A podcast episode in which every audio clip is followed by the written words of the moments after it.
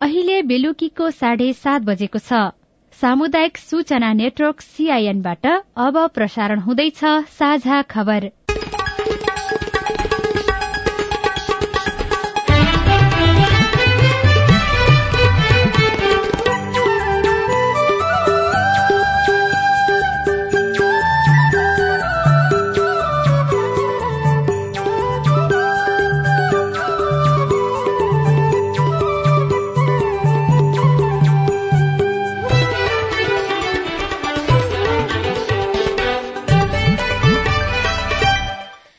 सीआईएनको साझा खबरबाट सोभिता रिसालको नमस्कार। साझा खबर देशभरिका सामुदायिक radio CIN Khabar dot com र मोबाइल एप सीआईएनमा पनि सुन्न सकिन्छ।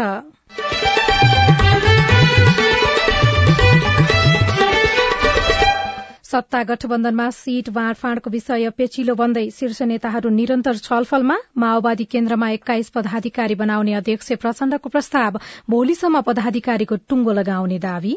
अहिले पदाधिकारीको विषय पनि करिब करिब हामीले छलफल गरेका छौँ। राम्रो छलफल भएको छ फेरि र गम्भीर रूपमा छलफल भएको छ। दर्ता भएका राजनैतिक दलका निवेदन अध्ययन गर्दै निर्वाचन आयोग निर्वाचन सामग्रीको खरिद प्रक्रिया पनि शुरू पुल निर्माण प्रदेश सरकारको प्राथमिकतामा तर अनियमितता पनि उत्तिकै। यति धेरै पुल बनिरहेको छ कि सड़क विभागको आफ्नो प्राविधिक क्षमताले त्यसको सुपरभिजन गर्न त्यो ठाउँमा त्यो साइटसम्म पुग्न हेर्न सड़क विभागको प्राविधिकले नै भ्याउँदैनन्। पेट्रोलियम पदार्थको मूल्य नघटाएको भन्दै आयल निगम विरूद्ध संसदीय समितिमा उजुरी। थापाथली अस्पतालमा मानव दूध बैंकको स्थापना शिशु मृत्यु दरमा कमी ल्याउन सकिने विश्वास डेंगी संक्रमण नियन्त्रणका लागि बजेट निकासा। एक सय उन्चालिसवटा स्थानीय निकायमा दुई करोड़ तेत्तीस लाख हामी पठाएका छौं र सातैवटा प्रदेशमा अनि छ्यासठीवटा जिल्लामा प्रदेशमा पनि बजेट राखेका छौं। र सिरियाको उत्तरी शहर अलबाबमा रकेट आक्रमण हुँदा चौध जनाको मृत्यु।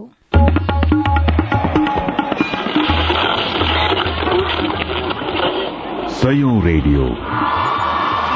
हजारौं रेडियो कर्मी र करोड़ौं नेपालीको माझमा यो हो सामुदायिक सूचना नेटवर्क सीआईएन नेपाल राष्ट्र बैंकको पछिल्लो तथ्याङ्क अनुसार खाद्य पदार्थको मूल्य एकै वर्षमा नौदेखि छब्बीस प्रतिशतसम्म बढ़ेको छ। यातायात शिक्षा लगायत मोबाइल टेलिफोन सहितका उपकरणहरूमा पनि छदेखि पन्ध्र प्रतिशतसम्म मूल्य बढ़ेको छ। सबैतर्फ महँगी बढ़दा सबैभन्दा बढ़ी असर भने मजदूर वर्गमा परेको छ। उनीहरूका लागि बजेटमा कुनै सम्बोधन नगरेको सरकारले चाडबाड अघि विशेष राहत अथवा सहुलियतका योजना ल्याउनुपर्छ। पदाधिकारीमा आकांक्षी धेरै भएपछि नेकपा माओवादी केन्द्रका अध्यक्ष पुष्पकमल दाहाल प्रचण्डले पदाधिकारी संख्या बढ़ाउने प्रस्ताव गर्नु भएको छ। आज पदाधिकारीको टुंगो लगाउन बसेको बैठकमा अध्यक्ष प्रचण्डले संख्या बढ़ाएर एक्काइस पद बनाउने प्रस्ताव गर्नु भएको हो। यसअघि माओवादी केन्द्रको पदाधिकारी संख्या पन्ध्र रहने निर्णय भएको थियो। अध्यक्ष वरिष्ठ नेता उपाध्यक्ष महासचिव उपमहासचिव सचिव र कोषाध्यक्ष गरी एक्काइस सदस्यीय पदाधिकारी रहने प्रस्ताव स्थायी समिति बैठकमा पेश भएको हो। आजको बैठकले पदाधिकारी चयन गर्ने भने पनि महासचिवमा नै सात नेताले दावी गरेका कारण टुंगो लाग्न नसकेको प्रवक्ता कृष्ण बहादुर महराले जानकारी दिनुभयो। मूर्त रूपले त छैन। भोलि एक बजे फेरि बस्ने गरी टुङ्गाउने भन्ने छ। तर छलफलका विषयहरू कुनै पनि बाँकी रहेन अहिले पदाधिकारीको विषय पनि करिब करिब हामीले छलफल गरेका छौँ राम्रो छलफल भएको छ फेरि। पहिले जस्तो अलिकति केही छ कि भन्ने होइन। हाम्रो स्थायी कमिटीभित्र पदाधिकारीको विषयमा कार्यक्रमको विषयमा कार्ययोजनाको विषयमा विस्तृत रूपमा र गम्भीर रूपमा छलफल भएको छलफल गर्न बाँकी केही छैन। हामी भोलि टुङ्गाउँछौँ माओवादीमा अध्यक्ष वरिष्ठ नेता उपाध्यक्ष महासचिव र कोषाध्यक्ष एक एकजना हुनेछन्। उपमहासचिव सातजना र सचिव नौजना रहने प्रस्ताव स्थायी कमिटिमा भएको छ। अहिलेसम्म माओवादीमा अध्यक्ष प्रचण्ड वरिष्ठ नेता नारायण काजी श्रेष्ठ र उपाध्यक्ष कृष्ण बहादुर महरा चयन भइसक्नु भएको छ। महासचिवमा देव गुरूङ हरिबोल गजुरेल वर्षमान पोन जनार्दन शर्मा पम्फा भूषाल गिरिराजमणि पोखरेल शक्ति बस्नेतले दावी गर्नु भएको छ। तर गुरूङलाई महासचिव बनाउने लगभग पक्का जस्तै भएको छ। निर्वाचन आयोगले आगामी मंगिर चार गते हुने संसदीय निर्वाचनको लागि दर्ता भएका राजनैतिक दलका निवेदन अध्ययन गरिरहेको छ। आगामी निर्वाचन प्रयोजनका लागि आयोगमा चौरासी दल दर्ता भएका छन्। ती मध्य दर्ताका लागि बुझाएको आवश्यक कागजातमाथि जाँचबुझ गरिरहेको निर्वाचन आयोगका प्रवक्ता शालिग्राम शर्मा पौडेलले जानकारी दिनुभयो। जाँचबुझका क्रममा दलहरूले बुझाउनुपर्ने कागजात नपुगेमा वा अस्पष्ट भएमा पुनः कागजात माग्ने उहाँले बताउनुभयो। आयोगले आगामी भदौ आठ गते दर्ता भएका दलको अन्तिम विवरण प्रकाशन गर्ने तयारी गरेको छ।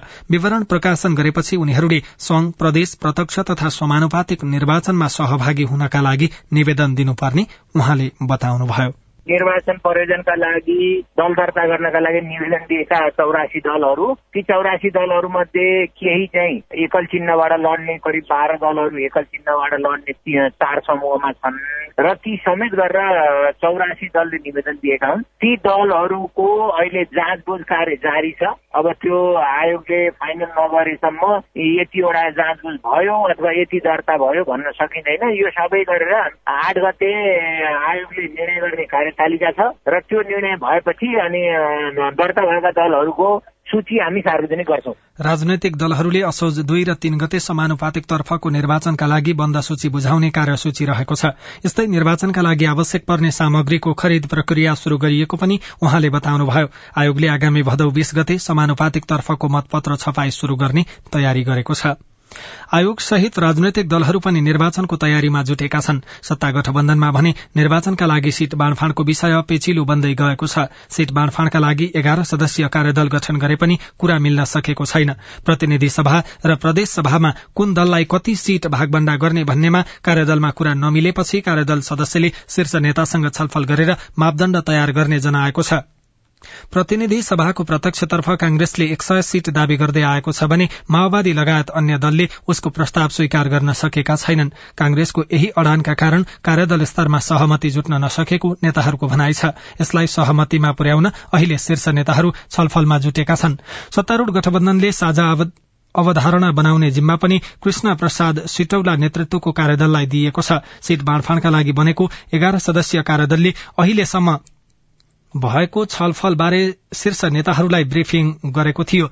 आज प्रधानमन्त्री निवास बालुवाटारमा बसेको बैठकले चाँडै काम सकाउन निर्देशन दिएको कार्यदलका सदस्य एवं संचार मन्त्री ज्ञानेन्द्र बहादुर कार्कीले जानकारी दिनुभयो। नेकपा एमालेका अध्यक्ष केपी शर्मा ओलीले एमाले सबै खाले गठबन्धन विरूद्ध एक्लै लड्न तयार रहेको बताउनु भएको छ। देशमा जस्तो सुकै गठबन्धन बनेको भए पनि सफल हुन नसक्ने दावी उहाँको छ। आज गृहनगर झापाको दमकमा स्वतन्त्र मजदूर संगठनको सम्मेलनलाई सम्बोधन गर्दै अध्यक्ष ओलीले जतिवटा दलको गठबन्धन बने पनि त्यो नेताको मात्र गठबन्धन भएको भन्दै त्यसमा जनता सहभागी नरहेको बताउनुभयो। ओली चुनावी तयारीका सिलसिलामा हिजोदेखि गृह जिल्ला झापाका विभिन्न कार्यक्रममा सहभागी रहनु भएको छ। जनता समाजवादी पार्टी जसपाले मंगिर चार गते हुने प्रतिनिधि सभा र प्रदेशसभा निर्वाचनका लागि उम्मेद्वार बन्न आवश्यक मापदण्ड प्रस्ताव गरेको छ। पार्टीको आज बसेको राजनैतिक समिति बैठकमा अध्यक्ष उपेन्द्र यादवले मापदण्ड र योग्यताबारे प्रस्ताव गर्नुभएको हो। पार्टीले आफ्ना उम्मेद्वारका लागि दुई प्रकारका मापदण्ड र सात प्रकारका योग्यता चाहिने प्रस्ताव गरेको छ। बैठकमा अध्यक्ष यादवले उम्मेद्वार बन्नका लागि मूल मापदण्ड प्रस्ताव गर्दै पार्टी र समाजमा लोकप्रिय सक्रियता सक्षमता दक्षता निष्पक्षता र निरन्तरता आवश्यक हुने बताउनु भएको थियो। सरकारले डेंगू संक्रमण नियन्त्रणका लागि बजेट निकासा गरेको छ। डेंगूको लार्वा खोज र मार अभियान सञ्चालनका लागि स्थानीय सरकार जिल्ला स्वास्थ्य कार्यालय र प्रदेशमा बजेट पठाइएको हो। स्वास्थ्य सेवा विभागका अनुसार एक सय उनाचालिस स्थानीय तहका लागि दुई करोड़ तेत्तीस लाख बजेट निकासा गरिएको छ। त्यस्तै प्रदेश र छैसठीवटा जिल्ला स्वास्थ्य कार्यालयका लागि पचहत्तर लाख बजेट निकासा गरिएको छ। गत दुई महिनामा नेपालमा एकसठी जिल्लाका एघार सय बढ़ी व्यक्तिमा डेंगीको संक्रमण देखिएको छ।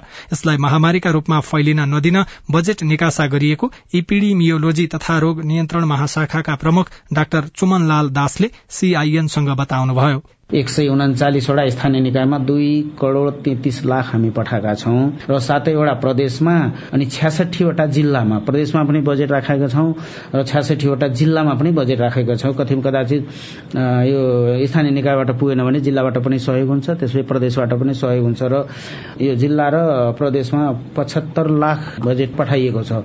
यसबाट अन्तर्क्रिया पनि गर्ने त्यसपछि लार्भा सर्च एण्ड डिस्ट्रोय भन्छ खोज र मार भन्ने कुरा चाहिँ यसबाट के गर्ने हो। सँगसँगै जनचेतना पनि गर्नुपर्छ। उहाँले डेंगीको संक्रमणबाट बच्न लामखुट्टेको वासस्थानहरू नष्ट गर्न समेत सर्वसाधारणलाई आग्रह गर्नु भएको छ। देशका सात सय बाहन्नवटा स्थानीय तहमा वाणिज्य बैंकका शाखा विस्तार भएका छन्। गत वर्ष सात सय पचास स्थानीय तहमा वाणिज्य बैंकका शाखा पुगेकोमा दुई हजार उनासी असारसम्म थप दुई स्थानीय तहमा शाखा विस्तार भएको नेपाल राष्ट्र बैंकले जनाएको छ। बजाङको साइपाल गाउँपालिकामा भने हालसम्म बैंकको सेवा विस्तार हुन सकेको छैन। राष्ट्र बैंकले हालै सार्वजनिक गरेको देशको वर्तमान आर्थिक तथा वित्तीय स्थिति अनुसार देशभर छब्बीस वाणिज्य बैंक सत्र विकास बैंक सत्र वित्त कम्पनी पैंसठी लघुवित्त वित्तीय संस्था र एउटा पूर्वाधार विकास बैंक सञ्चालनमा रहेका छन्। गत वर्ष बैंक तथा वित्तीय संस्थाहरूका दश हजार छ सय त्रियासी शाखा रहेकोमा दुई हजार उना असार मसान्तसम्म एघार हजार पाँच सय अठाइस पुगेको छ। राष्ट्रिय उपभोक्ता मञ्चले पेट्रोलियम पदार्थको मूल्य नघटाएको भन्दै आयल निगम विरूद्ध संसदीय समितिमा निवेदन दिएको छ। तत्काल इन्धनको मूल्य घटाउन माग गर्दै मञ्चका अध्यक्ष प्रेमलाल महर्जनले प्रतिनिधि सभा अन्तर्गतको उद्योग तथा वाणिज्य र श्रम तथा उपभोक्ता हित समितिमा निवेदन दिनुभएको हो। केही दिनदेखि इन्धनको मूल्य निरन्तर घटे पनि निगमले मूल्य नघटाएको निवेदनमा उल्लेख छ। अन्तर्राष्ट्रिय बजारमा पेट्रोलियम पदार्थको मूल्य तीन महिनादेखि लगातार घट्दै आएको र इण्डियन आयल कर्पोरेशनले समेत विगत दुई महिनादेखि नेपाल आयल निगमलाई घटेकै मूल्यमा पेट्रोलियम पदार्थको आपूर्ति गर्दै आएको भए पनि निगमले विभिन्न वाहनामा मूल्य नघटाएको मञ्चले बताएको छ। साझा खबरमा एउटा विदेशको खबर उत्तरी सिरियाको अल्बाब शहरमा रकेट आक्रमण हुँदा कम्तीमा चौध सर्वसाधारणको मृत्यु भएको छ। आक्रमणमा परि दर्जनौ घाइते भएका छन्। मृत्यु हुनेमा पाँचजना बालबालिका समेत रहेका छन्। टर्की समर्थित विपक्षी लड़ाकुहरूले नियन्त्रणमा राखेको अलेप्पो शहरको उत्तर पूर्वी गाउँमा भएको सो आक्रमणमा टर्की संलग्न रहेको सिरियाको आरोप छ। र एउटा खेल खबरमा अन्तर्राष्ट्रिय क्रिकेट परिषद आईसीसीले दुई हजार चौविसको आईसीसी उन्नाइस वर्ष मुनिको विश्वकप क्रिकेटको मार्गचित्र सार्वजनिक गरेको छ। आयोजनाको स्थल तय नभएको यस विश्वकपमा सोह्र मुलुकले सहभागिता जनाउनेछन्। प्रतियोगितामा सहभागी सोह्र टोली मध्ये एघार टोली छनौट भइसकेका छन् बाँकी पाँच टोली भने छनौटबाट आउनेछन्।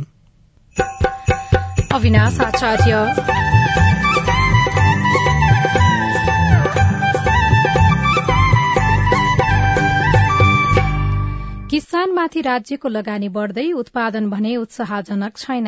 गर्ने मान्छेलाई उसले गर्न खोजेको चाहेको के हो? राज्यले गरिदिनु पर्यो र उसले उत्पादन गरेको चिज पनि राज्यले लिइदिनु पर्यो सही मूल्यमा।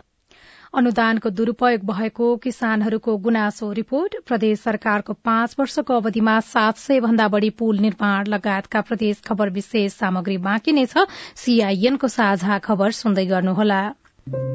मम्मी खाजा। मम्मी मेरो होमवर्क गर्ने कापी। बुहारी। एकदम खुट्टा दुख्यो। बुहारी चिया खान मन लागेको थियो। बुढी कपडा मैलो भएछ। अरे मेरो परिवार।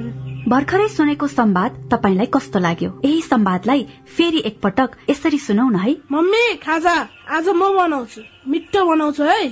मम्मी मेरो होमवर्क गर्ने कापी मैले खोजिसके। अब म होमवर्क गर्छु। बुहारी एकदम खुट्टा दुख्यो। छोराले तेल तताएर लगाइदिएपछि अलि आराम भयो। बुहारी चिया खान मन लागेको थियो सबैको लागि बनाएको छु। आऊ सबैजना खान। बुढी कपडा मैलो भएछ। घर नि कस्तो फोहोर। कपडा धोएर भ्याए। अब घर सफा गर्छु। कोरोनाको महामारीबाट बस्न पनि त सरसफाई जरुरी छ नि। आहा मेरो परिवार। तपाईँलाई दोस्रो संवाद कस्तो लाग्यो? पक्कै राम्रो लाग्यो। हो तपाईँ हामी बीच जिम्मेवारी बोध भयो भने एक अर्का बीचको निकटतालाई अझ राम्रो बनाउन सकिन्छ। बाढी चोडी जिम्मेवारी परिवारमा समझदारी। महिला बालबालिका तथा ज्येष्ठ नागरिक मन्त्रालय युएन वुमन ल्याक र अकुराबको सहकार्य। सामाजिक रूपान्तरणका लागि यो हो सामुदायिक सूचना नेटवर्क सीआईएन तपाई सामुदायिक सूचना नेटवर्क सीआईएनले तयार पारेको साझा खबर सुन्दै हुनुहुन्छ। परोपकार परोपकार प्रसूति तथा स्त्री रोग अस्पतालमा मानव दूध बैंक अर्थात अमृत कोषको स्थापना भएको छ। आज अस्पतालको त्रिसठीौं वार्षिकोत्सवको अवसरमा राष्ट्रपति विद्यादेवी भण्डारीले औपचारिक रूपमा मानव दूध बैंक अर्थात अमृत कोषको उद्घाटन गर्नुभएको हो। समय नपुगी जन्मिएका कम तौल भएका र अन्य जोखिममा रहेका शिशुहरूलाई सबैभन्दा बढ़ी आवश्यकता परेका बेलामा बैंकले अरू आमाहरूको दूध उपलब्ध गराउँछ। अस्पतालमा रहेको ह्युमन मिल्क बैंकमा सुत्केरी आमाबाट सुरक्षित सुरक्षित रूपमा दान गरिएको दूध संकलन प्रशोधन परीक्षण र भण्डारण गरी आवश्यक परेका शिशुहरूलाई उपलब्ध गराउने प्रसूति गृहका वृहत स्तनपान व्यवस्थापक स्मृति पौडेलले सीआईएनसँग बताउनुभयो। बच्चाले पूर्ण रूपमा स्तनपान गरिरहेको छ र आमा चाहिँ दान गर्न पनि इच्छुक हुनुहुन्छ भने चाहिँ आफ्नो स्वेच्छाले उहाँ चाहिँ हामीसँग कन्ट्याक्टमा आउनुहुन्छ दान गर्नको लागि अब आमा चाहिँ स्वस्थ हुनुपर्ने हुन्छ। त्यसको लागि हामीले स्वास्थ्य जाँचहरू गर्नुपर्ने हुन्छ। त्यो पछि आमाले चाहिँ दान गर्नुहुन्छ दुध दान गरेको दुधलाई हामीले स्टोर गर्न सक्छौँ र त्यो दुधलाई चाहिँ छ महिनासम्म स्टोर गर्न सक्छौँ। र त्यो पछि चाहिँ अब डक्टरकै सल्लाह अनुसार चाहिँ बच्चाहरूलाई दिने गरिन्छ। प्रायः चाहिँ दान गरेको दुध चाहिने खालको बच्चाहरू भनेको चाहिँ जुन समय अगाडि नै जन्मेको बच्चाहरू भयो जन्मिँदाखेरि कम चाउल भएको बच्चाहरू भयो जुन आन्द्राको समस्याहरू हुन सक्छ त्यस्तो बच्चाहरू र आमाको त्यो दुध आउँदै नआउने खालको बच्चाहरूलाई चाहिँ हामीले प्रोभाइड गर्छौँ डक्टरकै सल्लाहमा। उद्घाटनका क्रममा राष्ट्रपति विद्यादेवी भण्डारीले यसको स्थापना मातृ तथा शिशु सेवाको क्षेत्रमा ऐतिहासिक थालनी भएको बताउनुभयो। कृषि तथा पशुपालनमा सरकारले अनुदान दिने गरेको छ। सरकारले यन्त्रीकरण मल बिउ बिजन प्राविधिक उपकरण सिंचाई लगायतमा अनुदान दिए पनि उपलब्धि भने उत्साहजनक छैन। पर्वतमा अनुदानकै लागि फर्म दर्ता गर्ने कागजमा बनेको फर्मका आधारमा अनुदान लिने र अनुदानका कार्यक्रम सकिएपछि पुरानो फर्म स्थगित गरेर पुनः नयाँ दर्ता गर्ने विकृतिहरू देखिन थालेका छन्। माटोमा खेती गर्ने भन्दा झोलामा खेती गर्नेले अनुदान पाउँदै आएको फलेवास तिनका काशीराम पराजुलीले गुनासो गर्नुभयो। गर्ने मान्छेलाई उसले गर्न खोजेको चाहेको के हो राज्यले गरिदिनु पर्यो र उसले उत्पादन गरेको चिज पनि राज्यले लिइदिनु पर्यो सही मूल्यमा। पर्वतको जनसंख्या संख्याको अनुपातमा वर्षभरि एकतिस हजार आठ सय बयानब्बे टन खाद्यान्न आवश्यक देखिन्छ। धान मकै कोदो गहुँ समेतको उत्पादन जोड्दा उन्तिस हजार चार सय पैंसठी हेक्टर मात्रै उत्पादन हुन्छ। अझै दुई हजार चार सय सत्ताइस टन खाद्यान्न अपुग हुन्छ ज्ञान केन्द्रकै तथ्याङ्क अनुसार तेह्र हजार टन तरकारी आवश्यक पर्नेमा नौ हजार पाँच सय टन उत्पादन हुन्छ। चार हजार आठ सय टन दलहन बाली आवश्यक पर्नेमा पाँच सय टन मात्रै उत्पादन हुन्छ। एक हजार छ सय टन तेल हन आवश्यक पर्नेमा एक सय बीस टन मात्रै फल्छ। अनुदान दिएर नभई भूमिको वर्गीकरण गर्दा उत्पादन बढ़न सक्ने किसान शिव अधिकारीले बताउनुभयो। स्थानीय तहले कुन ठाउँमा के उत्पादन हुन्छ जस्तै सुन्तला खेती सुन्तला तरकारी खेती हुने तरकारी कफी हुने ठाउँ कफी अलैँची हुने ठाउँमा अलैँची। कहाँ के हुन्छ त्यो एउटा प्राविधिक टोली लगेर अनुगमन गरेर अनि त्यही किसिमको बाली नाली उत्पादन गयो भने अनि त्यहाँ बल्ल जग्गा बाँझै रहँदैन। फलेवास छ देवीस्थानका अगुवा किसान भरत श्रेष्ठका अनुसार किसानहरू प्रविधिसँग नजिकिन चाहन्छन्। जलवायु परिवर्तनको असर र नयाँ नयाँ रोगका कारण बाली नाली फस्ताउन सकेको छैन। त्यसैले किसानलाई अनुदान र आश्वासन भन्दा सिप चाहिएको श्रेष्ठले बताउनुभयो। अहिले प्रमुख समस्या भनेको तपाईँको तालिमै हो। धेरै किसानहरूले तालिम लिन्नन् अनि तालिम धेरै महँगो पर्दो रहेछ। सानातिना रोगको बारेमा त्यो ब्याक्टेरियाले आक्रमण गरेको हो कि जरामा किरा लागेको हो कि या रोगै लागेको कि भन्ने कुरा कमसेकम किसानले जान्यो भने उत्पादनमा धेरै फड्को मार्छ। आठ वर्षको अवधिमा धान बाहेक हिउँदे खेतीको उत्पादन क्रमशः घट्दो क्रममा छ। मुख्य बालीका रूपमा रहेको धानकै उत्पादन समेत सन्तोषजनक छैन। कृषि ज्ञान केन्द्रले मात्र होइन स्थानीय सरकार मार्फत पनि यान्त्रिक उपकरण साना सिंचाई टनेल मल बिउ लगायतका शीर्षकमा अनुदान वितरण भइरहेका छन्। मल बिउ सिंचाई रोग किराको नियन्त्रण लगायतमा भएको राज्यको लगानीको तुलनामा उत्पादन नबढ्नुलाई धेरैले अनुदानको दुरूपयोगको रूपमा व्याख्या गर्छन्। वास्तविक किसान पनि अनुदानको दुरूपयोगको विषयमा अनुसन्धान हुनुपर्ने बताउँछन्। Roshan Tiwari CIN radio Shaligram Parbat. साझा खबरमा अब हेलो सीआईएन सजना तिमल सिन्हाबाट। नमस्कार म दाङ तुलसीपुर उपमहानगरपालिकाबाट। नेपालबाट इजरायलले कामदार लैजाने भन्ने समाचार सुनेको थिए सिआइएनबाट कुन प्रक्रियाबाट नेपाली कामदार लैजान्छ र यो सिस्टम के हो यो बताइदिनु अनुरोध गर्न तपाईँको जिज्ञासा मेटाउँदै हुनुहुन्छ वैदेशिक रोजगार विभागका निर्देशक डम्बर बहादुर सुनवार। भर्खरै कृषिमा पनि कामदार लैजाने भन्ने विषय हो भने त्यसको मोडालिटीको बारेमा टुङ्गो लगाउनु बाँकी नै छ। कसरी कुन विधिबाट र प्रक्रियाहरू के हुन्छन् छनौटका चरणहरू के हुन्छन् जस्तो उमेर समूह हुने योग्यता के रहने कति समयको लागि र सेवा शर्तहरू के रहने भन्ने विषयमा टुङ्गो लाउनु बाँकी छ। त्यो टुङ्गो लागिसकेपछि मात्रै त्यसको मोडालिटीको बारेमा सार्वजनिक गर्न सक्ने अवस्था हो। नमस्कार म विकास शर्मा सल्यानदेखि मेरो नागरिकता लगायत सम्पूर्ण शैक्षिक योग्यताका प्रमाणपत्रहरूमा जन्ममिति दुई हजार सडचालिस नौ तिस गते हुनुपर्नेमा भुलवश दुई हजार सडचालिस नौ एकतिस गते हुन पुगेको छ। मैले कुनै पनि आयोगको परीक्षामा अनलाइन फर्म भर्दा कम्प्युटरमा दुई हजार सडचालिस नौ एकतिस गते सिस्टमले लिन मान्दैन। दुई हजार सडचालिस नौ तिस गते मात्र लिन्छ। यस्तो अवस्थामा मैले आयोगको परीक्षामा सहभागी हुन कस्तो प्रक्रिया अप्नाउनु पर्ला? विकासजी तपाईँको समस्या कसरी समाधान हुन्छ? हामीले लोकसेवा आयोगका प्रवक्ता तोय नारायण सुवेदीलाई सोधेका छौं। यहाँको वास्तविक उमेर एकतिस गते नै हो भने एकतिस गते त क्यालेन्डरमै छैन भने त्यो त्रुटि नै भयो हो। अहिले हामीले लोकसेवा आयोग लगायत विभिन्न संस्थाको फर्म भर्दाखेरि हामीले उमेरको आधिकारिक विवरण चाहिँ नागरिकतालाई हामीले आधार मान्ने हुन्छौँ। त्यो भएर चाहिँ नागरिकतामा यदि यहाँको त्यस्तो पर्या भने चाहिँ यहाँले पहिला नागरिकता सच्याउनु भने त्यो अनुसार चाहिँ एकाडेमिक क्वालिफिकेसनका डकुमेन्ट पनि सचिने हुन्छ। त्यसरी अगाडि बढ्दा उपयुक्त हुन्छ। नागरिकता सच्याउन मिल्छ त? यसको जवाफ दिँदै हुनुहुन्छ सल्यानका प्रमुख जिल्ला अधिकारी विपिन आचार्य। क्यालेन्डरमा नभएको मितिको तपाईँको जन्म मिति नागरिकता लगायत अन्य कागजातमा आएको छ नागरिकतामा सच्याउनु पर्यो भने त्योभन्दा अघिल्लो दिन या पछिल्लो दिन जस्तो पुस तपाईँको एकतिस छ भने पुस तिस अथवा मङ्सिर एक गरी सच्याउन सकिन्छ। त्यसको लागि तपाईँले प्रतिलिपि लिनको लागि जुन गर्ने प्रोसेस र वडाबाट सिफारिस साथ जिल्ला प्रशासन कार्यालयमा आउनुपर्छ। अनि जाजरकोटबाट हरिबहादुर सिंहको प्रश्न छ। एसीमा सबै विषयमा पास भएको गणितमा यी आएको हुँदा कक्षा एघारमा भर्ना हुन पाउँछ कि पाउँदैन जवाफ दिँदै हुनुहुन्छ। राष्ट्रिय परीक्षा बोर्ड अन्तर्गत कक्षा दसको परीक्षा नियन्त्रक भक्त गोदार।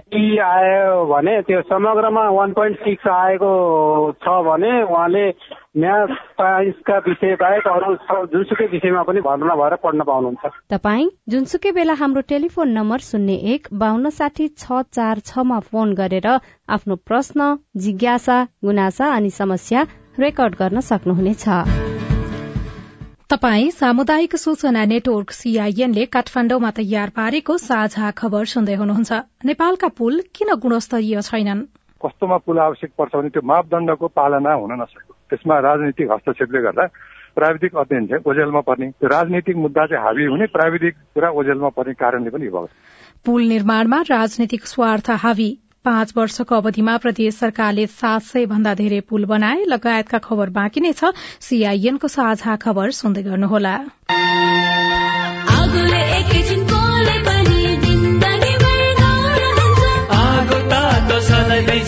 प्रयोग गर्दा होस् गर्नुपर्छ। सुटीले छोपी लानु पर्छ। बिरामीलाई स्वास्थ्य चौकी।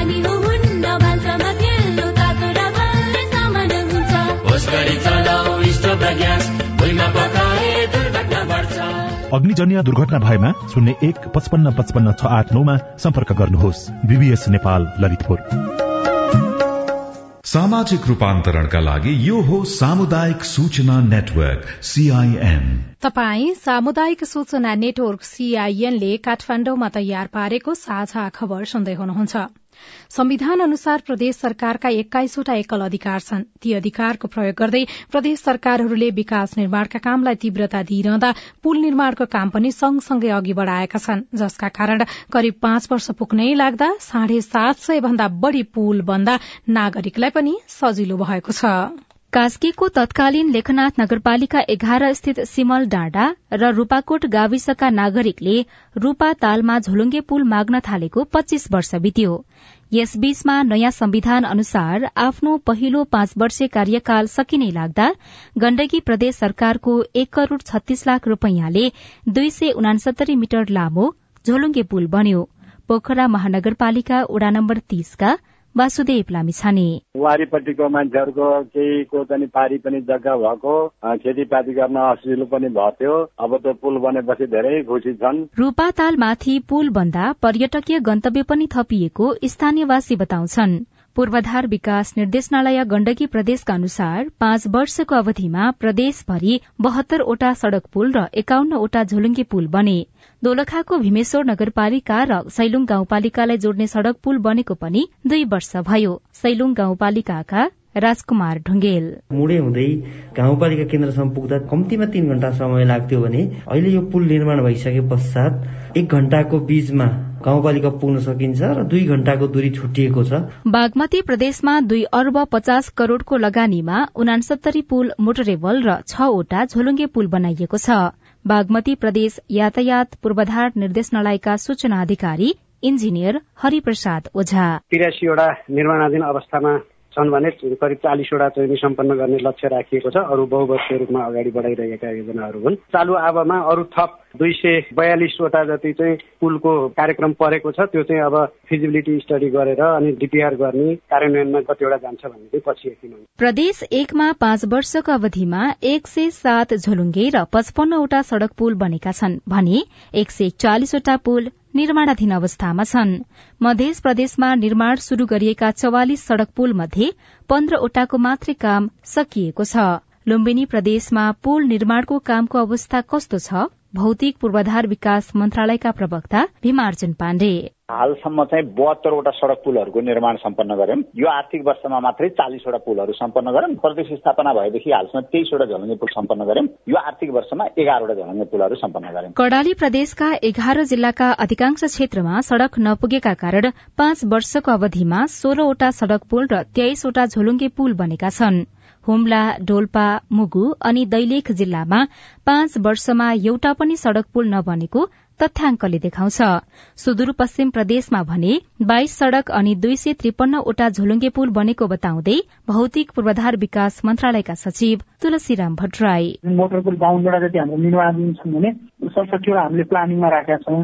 त्यस्तै गरी झोलुङ्गे पुल पनि सत्तालिसवटा निर्माणाधीन छन् दुई सय त्रिपन्नवटा निर्माण भइसक्यो भने अरू एकतिसवटा फेरि हामीले प्लानिङमा राखेका छौँ। त्यसले गर्दा प्रदेश सरकार चाहिँ यो प्रति बढी नै आफ्नो रिसोर्स लगाउनलाई छ। तर समस्या कहाँनिर छ भन्दाखेरि एउटा चाहिँ रिसोर्सको अलिक ग्याप छ। यति धेरै पुलहरू एकैचोटि सुरु गर्न हामीलाई पैसा छैन। र अर्को कुरा हामीलाई अलिकति प्रान्तिक जनशक्तिको पनि कमी छ। प्रदेश सरकारहरूका अनुसार मुलुक संघीयतामा गएपछि सात सय चौसठीवटा सड़क पुल र झोलिङ्गे पुल निर्माण सम्पन्न भएका छन्। पर्याप्त बजेट नहुँदा र ठेकेदारको ढिलाइका कारण शुरू गरिए पनि कैयौं पुल वर्षौंसम्म पनि बन्न नसक्ने समस्या देखिँदै आएको छ। कतिपय पुलको कमजोर गुणस्तरका कारण हावाले उडाएका अनि बाटो नै नभएका स्थानमा पनि पुल बनाएको भन्दै प्रदेश सरकारको आलोचना पनि हुने गरेको छ। एकातिर आवश्यकता अनुसार पुल बन्न नसकेको गुनासो छ तर पूर्वाधार विज्ञहरू कतिपय ठाउँमा आवश्यकता नभए पनि पुल बनाइने गरेको बताउँछन्। कारण पुल निर्माणमा राजनैतिक स्वार्थ लुकेको छ। त्यो स्वार्थ के हो? साथी राजन रुचालले पूर्वाधार विज्ञ किशोर थापासँग कुराकानी गर्नुभएको छ। देशैभरि चाहिँ आवश्यक भन्दा बढी पुल बनिरहेको देखिन्छ। जहाँ पुल बन्नुपर्ने त्यहाँ चाहिँ बरु नबनेको अवस्था छ। जहाँ पुल अहिले चाहिँदै चाहिँदैन त्यहाँ चाहिँ पुल बनाएर अस्ति हामीले सामाजिक सञ्जालमा पनि बाटै नभएको ठाउँमा पाँच करोडको पुल बनेको गोर्खामा हामीले हेर्न पायौँ होइन। त्यसरी चाहिँ एकदमै सङ्कीर्ण राजनीतिक स्वार्थ कहिलेकाहीँ राजनीति भन्दा पनि स्थानीयवासीहरूको चाहिँ नाजायज माग होइन। त्यसले गर्दाखेरि पनि पुलमा चाहिँ हाम्रो देशको धेरै साधन स्रोत चाहिँ त्यसमा खर्च भएको छ। त्यसको चाहिँ उपयोगिता कम पनि छ अनि यति धेरै पुल बनिरहेको छ कि सडक विभागको आफ्नो प्राविधिक क्षमताले त्यसको सुपरभिजन गर्न त्यो ठाउँमा त्यो साइडसम्म पुग्न हेर्न सडक विभागको प्राविधिकले नै भ्याउँदैनन्। पुलमा नि राजनीतिकरण पनि हुने गरेको छ कि? जस्तो तपाईँले अहिले भर्खरै जोड्नु भयो त्यो आवश्यक नभएको ठाउँमा पनि पुल बन्ने होइन धेरै मात्रामा पुल बन्ने अनि पुल बन्दै गर्दाखेरि चाहिँ कहाँ बन्ने भन्ने कुरामा राजनीतिक खिचातानी हुने त्यस्तो चाहिँ किन भइराखेको हो? त्यो किन भयो भने हाम्रो चाहिँ यो कुनै पनि विकास निर्माणमा एउटा हाम्रो चाहिँ जुन एउटा कार्यविधि हुनुपर्ने हो एउटा चाहिँ मापदण्ड हुनुपर्ने हो। पुल कस्तोमा बनाउने कस्तोमा पुल आवश्यक पर्छ भने त्यो मापदण्डको पालना हुन नसकेको त्यसमा राजनीतिक हस्तक्षेपले गर्दा जुन प्राविधिक जुन त्यो मापदण्ड छ अथवा प्राविधिक अध्ययन छ त्यो प्राविधिक अध्ययन चाहिँ ओजेलमा पर्ने। किनभने कुनै पनि विकास निर्माणको काम गर्दा त पहिले त्यसको प्राविधिक अध्ययन हुन्छ होइन? त्यसपछि त्यसको चाहिँ डिजाइन हुन्छ। अब त्यो प्राविधिक अध्ययनलाई चाहिँ आधारै नलिने प्राविधिक अध्ययनलाई चाहिँ लुकाइदिने अथवा त्यसलाई चाहिँ दबाई दिने त्यो राजनीतिक मुद्दा चाहिँ हाबी हुने प्राविधिक कुरा ओझेलमा पर्ने कारणले पनि भयो त्यो स्वार्थ समूहले पाउने रकम अलि मोटो हुने पुलबाट आउने रकम चाहिँ भएको भएर त्यस्तो भएको हो कि के हो खास? त्यो हुन सक्छ किनभने पुल भनेको सडक जस्तो धेरै लामो हुँदैन होइन? एउटा ठाउँमा एउटा सानो एक किसिमको स्ट्रक्चर त भन्ने संरचना हो। अब त्यो संरचना बनाउँदाखेरि अब खर्चिलो त पुल एकदमै खर्चिलो हो। संरचनाको हिसाबले त त्यसको आकार सानो होइन? तर खर्चको हिसाबले चाहिँ एकदमै खर्चिलो चिज भएको हुनाले त्यसबाट आउने लाभ त अलिक बढी नै हुने हो नि। कतै तपाईँले भन्नुभएको एउटा कुरा मैले नोटिस गरेको त्यो तपाईँले के भन्नुभएको थियो भने नेपालमा सार्वजनिक यातायात भन्दा बढी त डोजरहरू छन् भनेर तपाईँले भन्नुभएको थियो कि कतै? नब्बे हजार भनेर तोकेरै भन्नुभएको थियो। हो त्यो कुरालाई पनि अलिकति जोडेर हेर्दाखेरि चाहिँ यो कमाउ धन्दा बन्यो नेपालको पुलहरू यसरी भन्न मिल्छ? त्यो भन्न मिल्छ त्यो भन्न मिल्छ। किनभने अब चाहिने नचाहिने ठाउँमा होइन आवश्यक नभएको ठाउँमा जुन अहिले पुल बनेका छन् अहिले हेर्नुहुन्छ नि सयौँ हजारौँ पुलहरू बनिरहेका छन् नि। धेरै ठाउँमा चाहिँ अनावश्यक ठाउँमा पुलहरू बनाइएको छ पुलको माग भएको छ। अहिले पनि पुलको चाहिँ अब पाइपलाइनमा कति प्रोजेक्टहरू होला नि होइन? हामीले चाहिँ अब सडकहरू चाहिँ सुधार गर्नुपर्ने सडकका खाल्डा खुल्डी कुद्नुपर्ने सडकको गुणस्तर बनाउनु पर्नेमा ध्यान दिएनौँ। अब त्यो पुल चाहिँ जहाँ अनावश्यक ठाउँमा पुलमा चाहिँ हामीले ठुलो रकम चाहिँ खर्च गरिरहेको यो किसिमले साधन र स्रोतको दुरूपयोग पनि हो। सत्ता गठबन्धनमा सीट बाँडफाँडको विषय पेचिलो बन्दै गएको छ। शीर्ष नेताहरू निरन्तर छलफलमा नै जुटिरहेका छन्। माओवादी केन्द्रमा एक्काइस पदाधिकारी बनाउने अध्यक्ष प्रचण्डले प्रस्ताव गर्नुभएको छ। भोलिसम्म टुङ्गो लगाउने दावी पनि नेताहरूको रहेको छ। दर्ता भएका राजनैतिक दलका निवेदन अध्ययन गर्दै निर्वाचन आयोगले अध्ययन गरिरहेको छ। निर्वाचन सामग्रीको खरिद प्रक्रिया पनि शुरू भएको छ। पुल निर्माण प्रदेश सरकारको प्राथमिकतामा छ तर अनियमितता पनि उत्तिकै भइरहेको छ। पेट्रोलियम पदार्थ तेलको मूल्य नघटाएको भन्दै अयल निगम विरूद्ध संसदीय समितिमा उजुरी परेको छ र थापाथली अस्पतालमा ह्युमन मिल्क बैंकको स्थापना भएको छ। आजलाई साझा खबरको समय सकियो। प्राविधिक साथी सुरेन्द्र सिंहलाई धन्यवाद। भोलि भदौ चार गते बिहान छ बजेको साझा खबरमा फेरि भेटौँला। अहिलेलाई सोभितारी साल पनि विदा हुन्छु। नमस्कार शुभरात्री।